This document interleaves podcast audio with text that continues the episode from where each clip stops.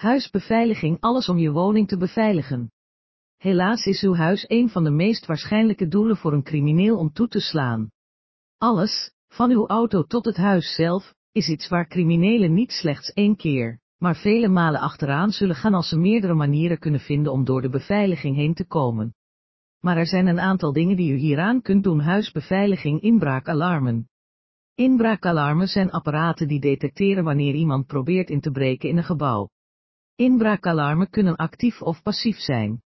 Actieve inbraakalarmen worden geactiveerd door de inbreker en laten een alarm afgaan bij detectie van ongeoorloofde toegang, terwijl passieve inbraakalarmen alleen afgaan bij specifieke acties van de eigenaar van het huis/gebouw, zoals het betreden of verlaten beveiliging camerasystemen.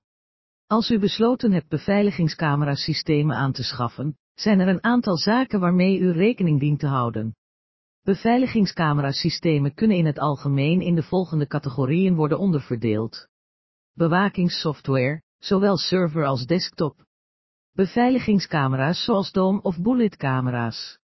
Het gebruik van een bewakingssoftware is vaak vereist als u beelden wilt opnemen en opslaan, deuren en ramen beveiligen. Elk huis zou op de een of andere manier beveiligd moeten zijn, of het nu een slot op de voordeur is of inbraakstammen. In dit artikel bespreken we waarom u deuren en ramen in uw huis/appartement moet beveiligen en ook hoe u dat kunt doen.